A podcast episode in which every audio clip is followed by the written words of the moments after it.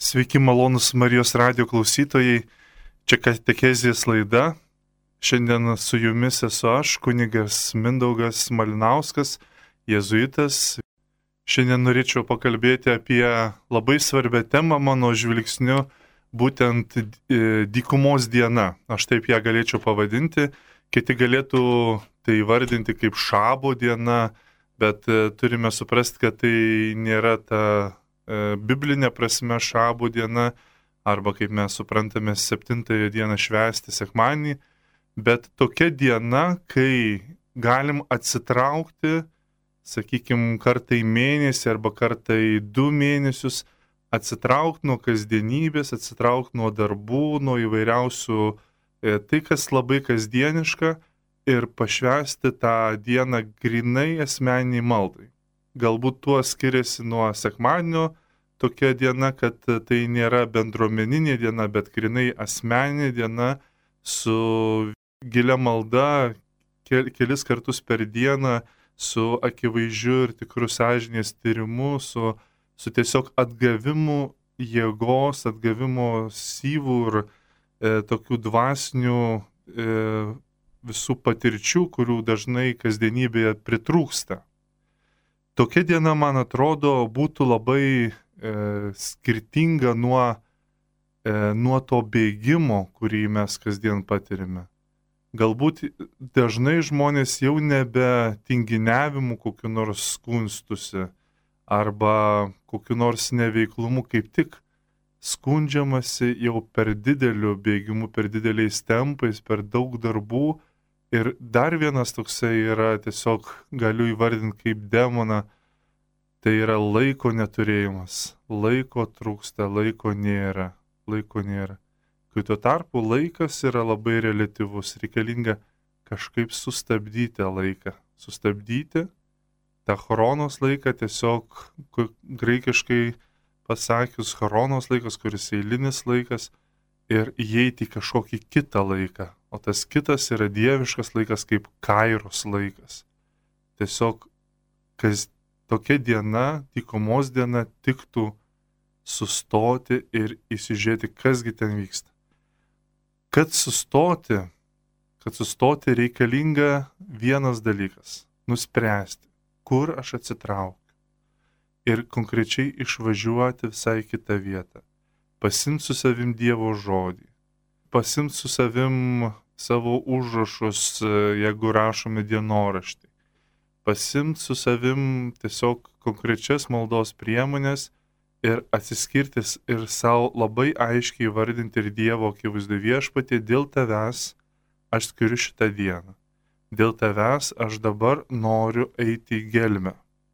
Ir tada melstis. Melstis, ne šiaip savo melstis, bet melstis taip, kad didėtų troškimas.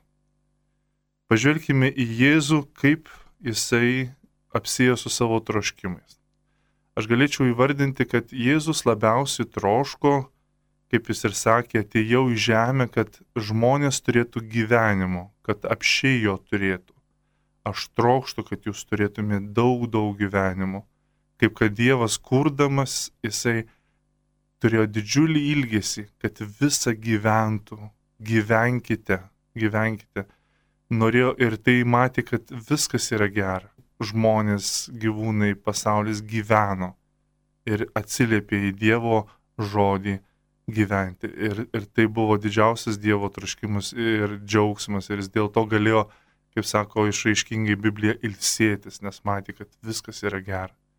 Antras troškimas Jėzaus yra, kad ugnis, kurią jis atnešė, jinai liepsnotų. Ir apšiai jos būtų, kad jinai degtų, kad jinai plistų ta ugnis. Ir ta ugnis, aš galėčiau pasakyti, tai yra žmogaus troškimas tarnauti, dalintis, kitais žodžiais, meilė, kuri dalinasi, ne tik meilė, kuri e, gyvuoja gyvenime ir laisva tampa, bet ir eina į pasidalinimą. Ir taip pat troškimas aukotis. Vėlgi to, ta pati meilė, kuri dalinasi ir, ne, ir nežiūri, kas jai už tai. Taigi šitie trys troškimai gyventi, aukotis ir tarnauti yra tie esminiai troškimai, kuriuos reikia žadinti, prižadinti, pakelti, kad jie pasirodytų, akivaizdžiai pasirodytų. Dėl ko visą tai darom? Dėl gyvojo Dievo. Dėl susitikimo, dėl santykio su Dievu. Nes jeigu nėra tos perspektyvos, kad aš tai dėl Dievo darau, e, tie troškimai yra geri, bet jie praranda tikslą ir žmogus pasiklysta tose pačiuose verpetuose. Nėra laiko, kam čia gaišti laiko, kam čia daryti papildomus dalykus prisimti, kai tuo tarpu ir taip daug darbų, geriau ne, tada malda atrodo kaip papildomas darbas, atsitraukimas irgi kaip priedas, kuris visiškai yra tik tai jau taip žmogus pavargęs dar čia užsikraut kažkokiais dalykais, jau taip tų pareigų nespėja įvykdyti, jau taip nėra to laiko, jau taip nėra to laiko, kam dar to užsitraukti. O jeigu turim perspektyvą, aš dėl Dievo, dėl gyvojo Dievo, dėl noro su juo susitikti, sustiprinti santyki, nes aš suprantu, kad iš jo ateina gyvybė. Iš jo ateina tas tikrasis, e, tikroji vertė, tikra kokybė gyvenimo. Netgi kai jisai duoda viltį, ramybę, paguodą, tie patys darbai daug greičiau atsilieka, ar galim pasakyti, padaromi. Daug aiškiau ir konkrečiau matosi, nes staiga nutyla viduje dalykai, kurie iš tikrųjų mums trukdo girdėti, kaip reikia dirbti, kaip reikia elgtis, kaip reikia gyventi.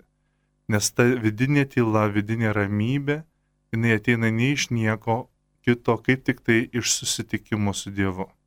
Dažnai e, pastebiu, kad kai žmonės nori dvasinio palydėjimo, dvasinio pokalbio, jie bando kažką sakyti, kaip jiems sekasi tas dvasinis gyvenimas ir dažnai labai yra pavojus nukreipti, e, nukreipti visą pokalbį į kažkokių konfliktų, krizių sprendimą, kažkokių sunkumų, įsiaiškinimą ir panašiai. Kito tarpu šitas rytis visai nedvasinio palidėjimo. Tai yra e, pas psichologą galim nueiti ir krizės spręsti ir panašiai. Bet dvasinis palidėjimas kalba visai apie, apie ką kitą. Dvasiniam palidėjime klausimas pagrindinis. Kaip man sekasi visą gyvenimą matyti Dievo akivaizdai, maldoje, santykiai su Dievu. Kaip man tas sekasi, kaip man sekasi Dievo impulsus mano gyvenime priimti ir, ir ne Dievo impulsus kažkokius kitokius pasaulio piktosios dvasios atmesti. Ir tada iškyla didžiulis klausimas, bet kaip suprast, čia aš nelabai jaučiu, aš kur čia tie Dievo impulsai, kur čia tie geri dalykai, kur čia tie blogi. Ir tada labai akivaizdžiai pasirodo, reikia dykumos dienos reikia atsitraukti, reikia pirmiausia sustoti ir leisti, kad iš tos širdies gelmės kažkas išlystų galiausiai, pasirodytų, kasgi visą laiką vadovavo mano veiksmams, mano nuotaikoms, kasgi ten širdį mano tūno, kad atsivertų kažkokios tai durys, pasirodytų, kasgi ten visą laiką man trukdė e, toliau žengti, kasgi arba kas man padėjo lygiai taip pat pasirodytų tie tikrieji jausmai, kurie yra tarsi užnugaryje, tarsi e, šalia tiesiog sąmonės ir valdo mūsų tiesiog sprendimus ir panašiai. Dar žvelgus į Jėzų, matoma, kad jisai, kai jis troško gyventi, jau nuo pat pradžių, nuo įsikūnymo, pradžių jisai troško gyventi, daug gyventi. Jis norėjo įsiskleisti gyvenime, norėjo ateiti į mūsų žmogišką gyvenimą visiškai. Tai angelai džiugauti džiugavo dėl tokio troškimo. Piemenys, karaliai, Marija, Juozapas, visi, kurie šalia buvo pranašai šventykloje ir kiti žmonės galbūt labiau paprastesni, jie tiesiog džiaugiasi, visas pasaulis džiugauti, džiugavo, staiga tamsa pasitraukė atėjo šviesa. Ir tai yra džiaugsmas, gyvybės troškimas tiesiog susijęs su džiaugsmu, su, su, su giliu, kon, gilia kontempliacija, pradžiugimu, kaip kad Jonas Krikštis dar išėse pradžiugo ir panašiai angelai tiesiog danguje šlovino Dievą už tą, už tą didžiulį veržimąsi į gyvenimą. Bet tuo pačiu pradėjo lysti ir kitos, galim sakyti, dvasios. Erodas štai visas piktas pavydį, nenori užleisti, žudyti pasiruošęs, ištremti ir, ir naikinti štai kiti nepriima į, į, į užeigą, nėra čia vietos jums, čia paš, pašaliečiai ir panašiai atsiranda kita, kitas pasaulis, išlenda kita dvasia ir šlovė Dievui. Staiga paaiškėja du konkurentai, galim sakyti, tai yra Dievo siunčiamos mintys ir judesiai ir piktojo, piktosios dvasios ir pasaulio siunčiami dalykai ir štai jie įsiskiria, staiga at, įvyksta atsiskirimas.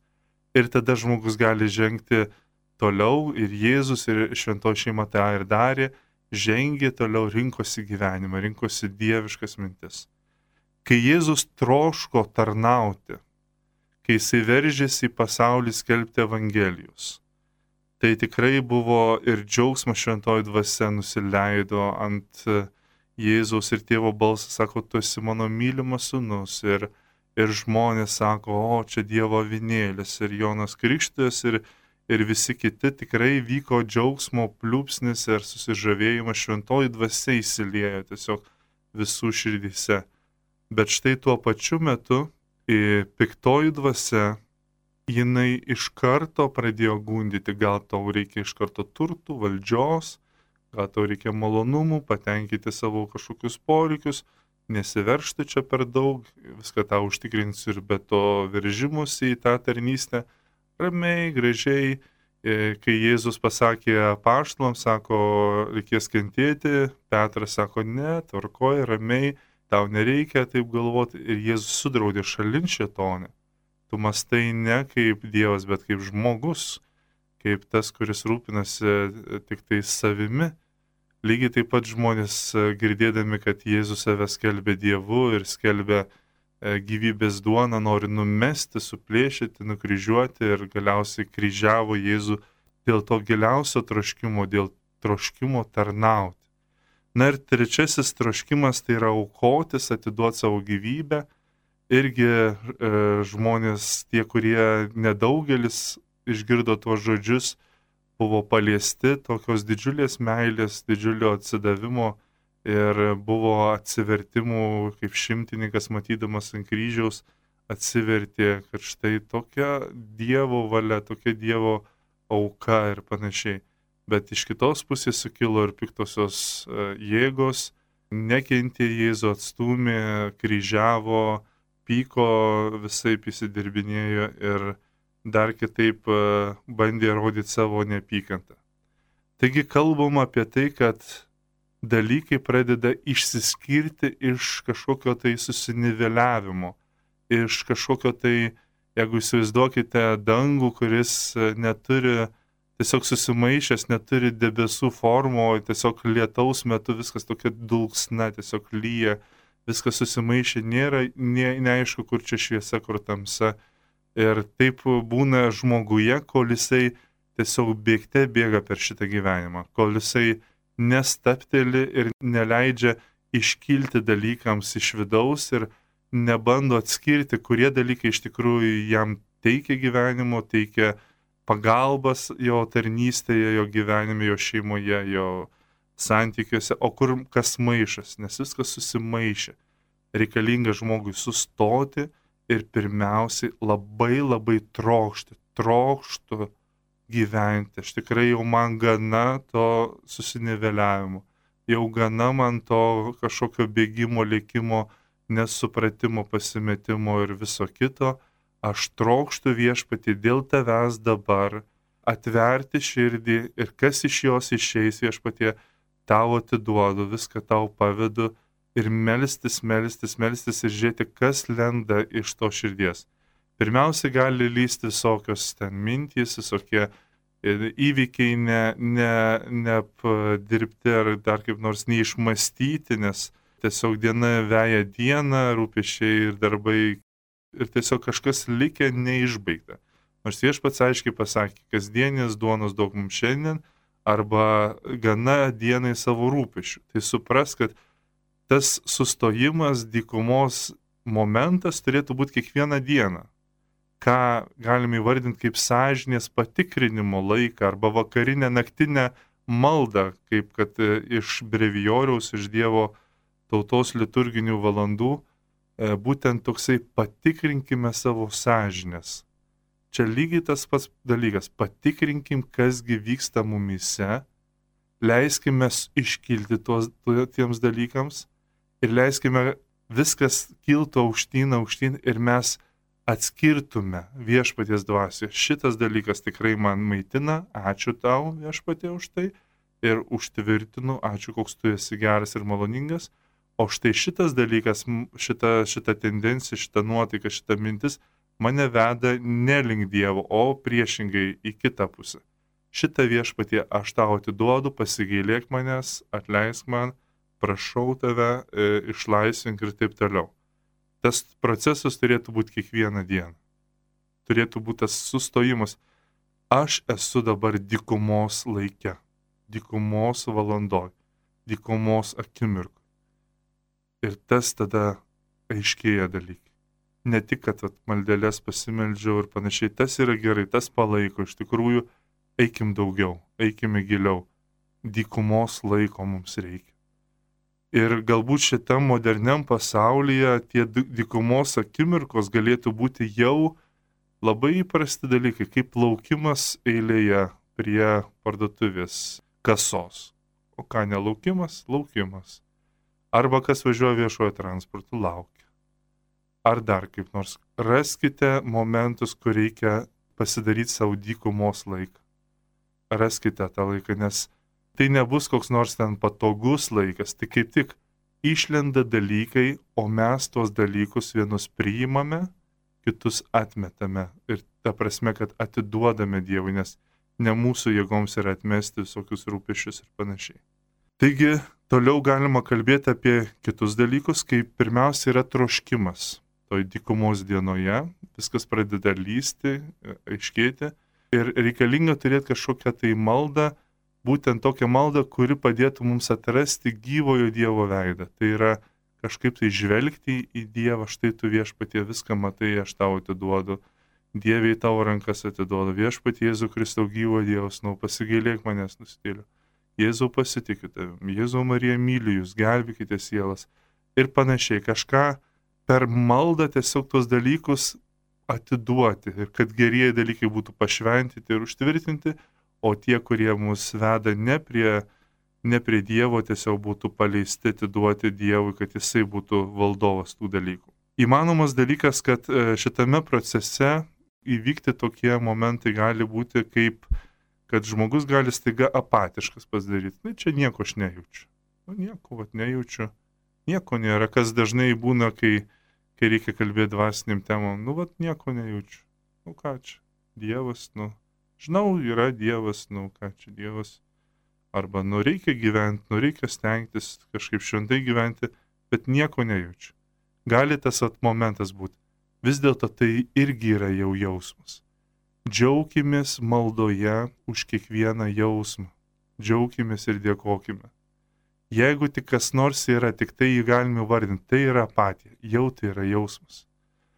Kyla pyktis, gali kilti pyktis, aš pykstu, ne, negaliu savo atleisti dėl to, ką aš padariau, ar kažkaip netaip gyvenau, arba vat, kiti kalti, kiti kalti, ar dar kas nors Dieve, kur tu buvai, kodėl mane čia apleidai, kaip čia dabar, ar čia apsimoka iš vis į tave kreiptis, gali kilti, kilti pyktis. Džiaukimės dėl to.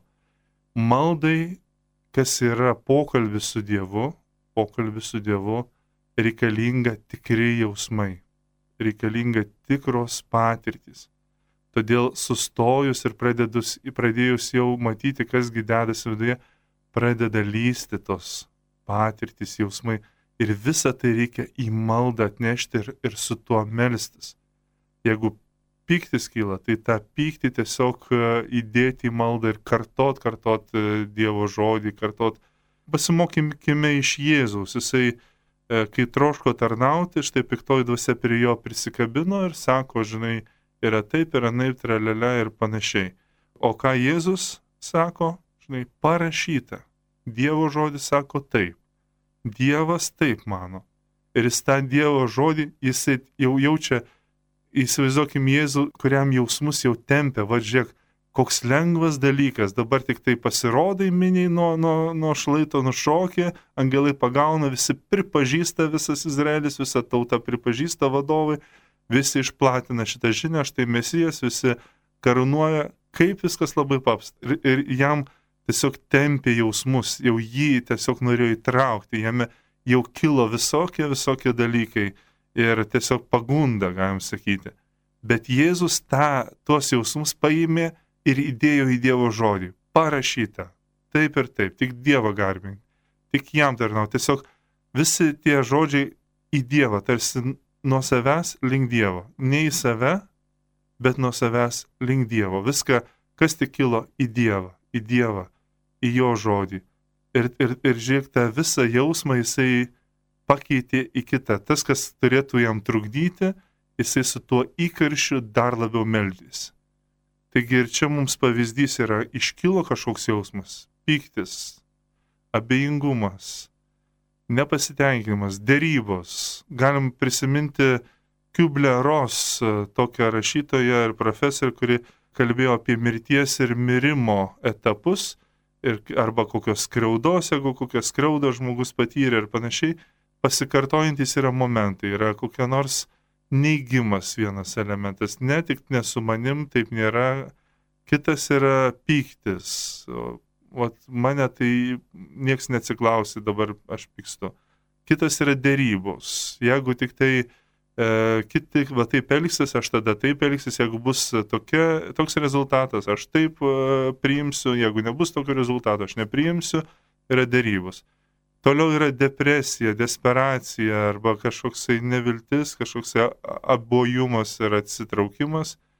Vėlgi kažkoks jausmas yra ir tai yra vyksta žmoguje, kol galiausiai tik tai penktam etape e, pasiekiama toks momentas, kad aš priimu, su manim tikrai tokie dalykai vyksta, tikrai aš mirštu, ar aš įžeistas, ar, ar, ar tikrai man trūksta maldos, ar kiti dalykai vyksta, kurie yra ne pagal gyvenimą, ne pagal tarnystę ir ne pagal aukojimas. Vyksta tikrai negeri dalykai, aš tą pripažįstu ir priimu. Tai tikrai vyksta su manim. Tada, kai tą pripažįsti, tada jau gali se dėti sekantį žingsnį viešpatį į tavo rankas tai atiduodu. Visą tai melžiuosi. Tikrai aš esu ten piktas, tikrai nuskriaustas, tikrai mano gyvenimas ne viskas tvarkoja ta priėmimas ir tada atidavimas. Aš atiduodu viešpatį tau. Ir tas, sakykime, dykumos dienos momentas turėtų atidavimo momentas būti labai dažnas. Aš atiduodu, atiduodu, atiduodu, atiduodu. Kyla kažkokie dalykai ir aš viešpatį tau atiduodu. Kažkoks, e, tada dar vienas momentas įsijungia galvoje e, vadinama e, kaprizinga būtybė, aš ją pavadinčiau, jeigu kas nors domisi hobitų ir, ir žiedų valdovais, panašiai tą visą istoriją ir tais filmais, ten yra toks vienas personažas Golumas. Golumas, kuris, nu, iš esmės yra gerėtis e, savo, savo prigimtim, savo gyvenimu ir jisai labai nori, kad viskas būtų gerai, bet e, žiedas, kurį jis turėjo, tiesiog jį paverti tokia pikčiurna kartu Tai jisai kaip sudvejinta asmenybė. Iš vienos pusės jisai toks gerėtis, o iš kitos pusės toks pikčiurna ir blogietis ir galim sakyti netgi ir ten žudikas ir panašiai. Taigi lygiai taip pat žmoguje yra ta golumo dalis ir, ir jinai išlenda ir sako, nu tai ką tu čia bandai padaryti dabar? Tu čia meldiesi, tu čia kažką bandai pasiekti, kažką nu, bandai įsivaizduoti, kad čia tau viskas bus labai gerai, ar ne? Arba, nu, ką žmonės pagalvos, nu, galvos, va, šventasis, šventoji išvažiavo į dykumos dieną, o kas darbus dirbs už tave? Arba kas, nu, šeima rūpinsis? Ką tu čia dabar bandai, viskas bus taip pat, kaip buvo. Ką tu čia nebandyk peršaukti savęs turi savo problemas ir gyvenk savo problemas. Viskas čia iš tikrųjų netaip blogai ir panašiai. Nu ir gali kalbėti, kalbėti, kalbėti, kalbėti, Ir tada žmogus vis dėlto eina nelink Dievo. Jis toks nuliūsta, jeigu jis klauso šito balso, nuliūsta ir galvoja, tau kažkaip tai tikrai aš čia be reikalo atvažiavau, be reikalo čia kažką veikiu, kodėl aš šitą kažkokį dykumus dieną, nei čia dykumo, nei čia ką. Ir tai yra labai konkretus dalykai vyksta žmoguje. Tai vyksta dvasinė kova į dykumą išeinama ne patogumų ieškoti, ne kažkokio tai, nežinau, smalsumo patenkinti. Tai yra išėjimas į atvirą kovą. Sakykime, iki šiol kasdienybėje tai buvo puldinėjima iš visų pusių ir, ir teikiama pagalba taip pat lygiai taip iš visų pusių. Jeigu nebūtų pagalbos, būtume seniai pražuvę ir ta pagalba yra daug didesnė negu puldinėjimas bet vis dėlto mes dažnai nepagauname kampo ir, ir per vėlai sureaguojame, per vėlai suprantame, kad štai dalykai tokie vyksta su mumis, tą kovą pralaimime. Ačiū Dievui, kad Jis vėl, vėl mus atstato, vėl ir vėl duoda vilties, vėl ir vėl pakelia mus į paguodą, bet vis dėlto dvasinė, dvasinis gyvenimas tai yra dvasinė kova, kuri yra samoninga, kuri yra su aiškiu atskirimu, štai šitie dalykai man padeda, tai yra mano pusėje, šitie kiti dalykai yra priešai ir man trukdo. Šitoje vietoje reikėtų pabrėžti, kad tikrai piktoji dvasia nėra visiškai lygiai vertis varžovas pačiam Dievui. Dievas yra virš visko, yra visako kuriejas ir jis yra iš esmės geras. Jame nieko nėra blogo, nieko jokio šešėlio jame nėra. Dievo veikimas e, yra toks, kad jisai veikia žmoguje ir pasikliauja žmogaus laisva valia, kad jisai atsakys ir priims Dievo valią. Ir tas uh, siūlymas sekti juo vis skamba žmoguje, atsiduoti Dievui, o tuo pačiu tada įsijungia piktosios dvasios balsas savotiškais, kuris sako, nu neklausyk to Dievo, reiškia, vis dėlto centras yra Dievas ir kryptis į Dievą, viskas turėtų judėti, o piktoji dvasia vis dėlto ne į save kreipia, bet nuo Dievo, nes tada labiau žmogų bando uždaryti savyje, pabandyti padaryti žmogų patį centrą, kad žmogus įsicentruotų į save, įsikniauptų į save ir pamirštų, kad jo yra judesys yra link Dievo, ir judėjimas link Dievo. Taigi, dykumos dienoje, mastant įvairiai melžiantis ir apskritai vien tik nusprendžius, aš dabar dykumos dieną atlieku ir mano vienintelė mintis žiūrėti į Dievą. Galim pasakyti, tai yra esminis žvilgsnis e, ir suvokimas, kad Dievas yra gyvas Dievas. Vieną mintim ir tokią istoriją pailustruosiu galbūt linksmoka istorija. Vienas valstietis eina savo per laukus ir žiūri iš tolumos atjoja vienuolis ant arklio, joja vienuolis ant arklio, nuduoda, sako, šio valstietis savo kojelės varginu, vargstu, o čia vienuolis, žinai, toks pasišventis Dievui, žinai, ant arklio joja, nu dabar čia ir sako, vienuolį, žinai, kaip čia taip, tu čia su arkliu jojau, kaip čia, čia gražu, ar panašiai. Nu, vienuolis supranta, kad jau kažkas čia yra, nepatenkintas e, valstietis ir sako, žinai, jeigu tu sukalbėsi tėvę mūsų neįsiblaškės, jeigu sukalbėsi tėvę mūsų nuo pradžios iki galo, nenukreipęs minties, suprask, kad arklys bus tavo, dovanų, atiduodu dovanų arklį. Gerai, valstietis taip paprasta, jo, taip paprasta, nu ir sako, tėve mūsų, kuris esi danguje, ir sustoja ir klausia, o ar duosi ir balną? Ir e, nesukalbėjo, reiškia, kažkas at, nusprendė, kad sukalbėsiu maldą, būsiu tik tai tik Dievo akivaizdoje, tik tai į Dievą ir panašiai. Bet pradėjo lysti iš širdies visokie prisirišimai, lysti dalykai kažkokie, kurie buvo neįspręsti, neatsakyti. Ir žmogus vietoj to, kad atiduotų maldoje tuos dalykus Dievui ir sukalbėtų iki galo, jisai užstrigo. Užstrigo ir neina toliau. Tai kaip ir dykumos dienoj, kaip yra svarbu, Dieve, tu, kuris esi gyvas, tu, kuris esi čia, dėl tavęs dabar aš melžiuosi. Ir bet kokia malda tokia turėtų būti. Dėl tavęs melžiuosi ir kas be nutiktų, viešpatie tau atiduodu tos dalykus. Ir tada prasidės nuotykis. Pradės lysti dalykai, kuriuos iš tikrųjų turim atiduoti Dievui. Ką reiškia atiduoti Dievui? Sako, aš atiduodu, atiduodu, niekaip ir netiduodu. Vis pas mane ir lieka. Iš esmės tie dalykai ir liks pas mus, bet svarbu, kad jie taptų tarsi persunkti, tarsi apšviesti kitokią šviesą, tarsi e, peršviesti, tarsi paimti Dievo žinę, paimti Dievo malonę. Štai ką reiškia atiduoti. Tai yra kaip parodimas, tarsi viešpatė, štai mano gyvenimas. Štai aš nebeslepiu, kaip Adomas išlenda iš krūmų ir sako, štai viešpatė, aš čia, aš čia klausiu, kur tu esi Adomai ir Adomas turėtų išeiti ir sakyti, aš čia. Ir, ir tas įvyksta tikram sustikime su gyvoju Dievu. Aš čia Dieve ir viską parodo, viską parodo.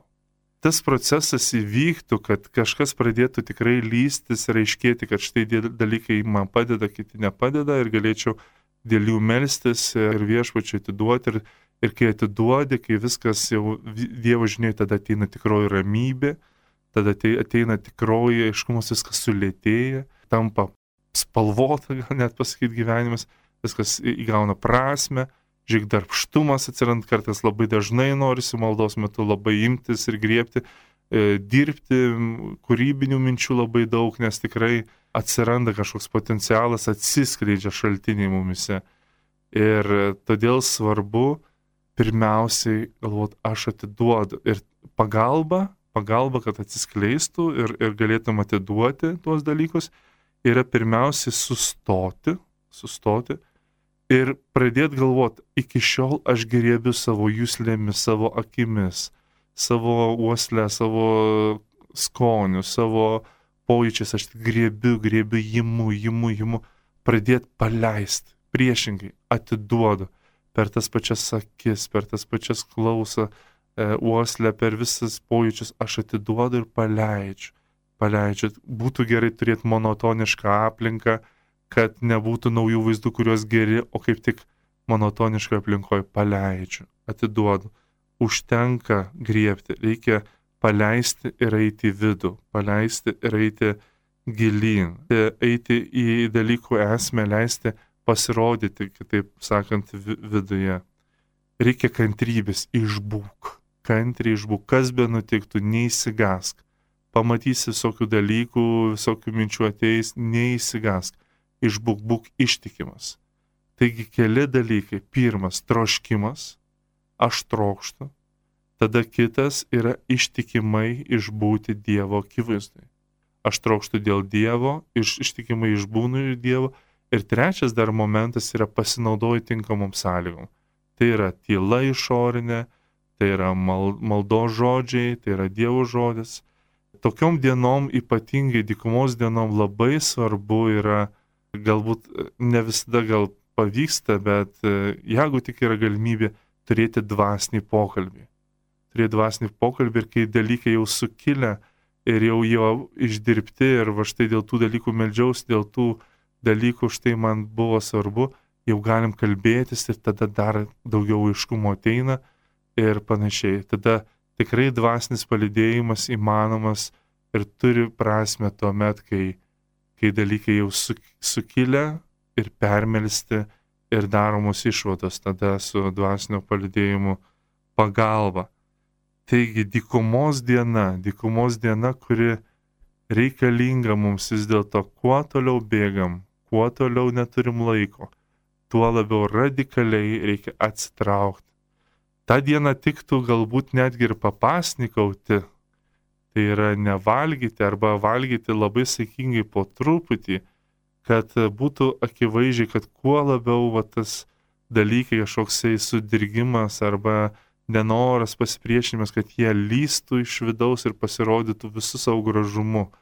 Nes e, tas nuolatinis bėgimas, jis mums neleidžia suprasti, ką mes iš tikrųjų jaučiam. Kai sustoji, kai apsiriboji, kai, kai apriboji savo žvilgsnį, savo į pojūčius, savo skrandį ir kitus dalykus, tada atsiskleidžia dalykai ir tada gali dirbti, dirbti ir svarbiausia, koks tikslas aš ieškau gyvojo Dievo ir viską jam pavedu, nes be jo akivaizdos, jam atsidavimo tai neturi prasmės, bet visą tai turi vesti į gyvą sustikimą, į gyvą pokalbį ir permaldavimą dalykų, kurie, kurie yra mūsų gyvenimo, kurie išlenda iš gyvenimo ir panašiai. Taigi noriu apibendrinti savo pokalbį šią katekezę, kaip labai svarbu mums turėti kiekvienam dykumos dieną. Jeigu neišeina e, sustoti kasdienybėje savo vakarais, štai dabar dykumos laikas, arba kažkaip atsitraukti nuo visko, ar, ar e, kažkaip kai tuo metu, kai mums privaloma laukti ar eilėje, ar dar kur nors nepaverčiam dykumos laikais, tai jau nežinau, jau yra mirtinas reikalas kartą į mėnesį ar, ar kartą į du mėnesius išvažiuoti visai dienai, galbūt į kokį vienuolyną kontemplatyvų ar kažkur į specialią vietą, kažkur vienam, vienai būti ir tik tai Dievui pašvesti ir kas ten nutiktų, viską Dievo, Dievo atiduoti ir, ir maldą paversti. Tai yra dvasinė kova, be kurios neįmanoma laimėti šventumo vainiko neįmanoma tada patikti Dievui galbūt, arba net neįmanoma kažkaip daryti pažangą. Tada kažkaip žmogus tada priverstas tik tai lygoje sustoti, nedaug Dieve. Sustokime patys, kad gamta mūsų nesustabdytų dėl to pačio bėgimo. Sustokime, pasidarykime dykumos dieną, pasidarykime dykumos valandas. Pamatysit tai, kokius vaisius tada rinksime Tai yra didž, didžiulė nauda dvasinė ir, ir didžiulė pagalba ir didžiulis poreikis, ypatingai šiomis dienomis šiuo laiku. Mėlyjeji, čia buvo kuningas jėzuitas Mindaugas Malinauskas, Vilniaus akademinės Elovados Elovadininkas. Linkiu Jums, likite Dieve ir klausykite Marijos radiją. Ačiū labai.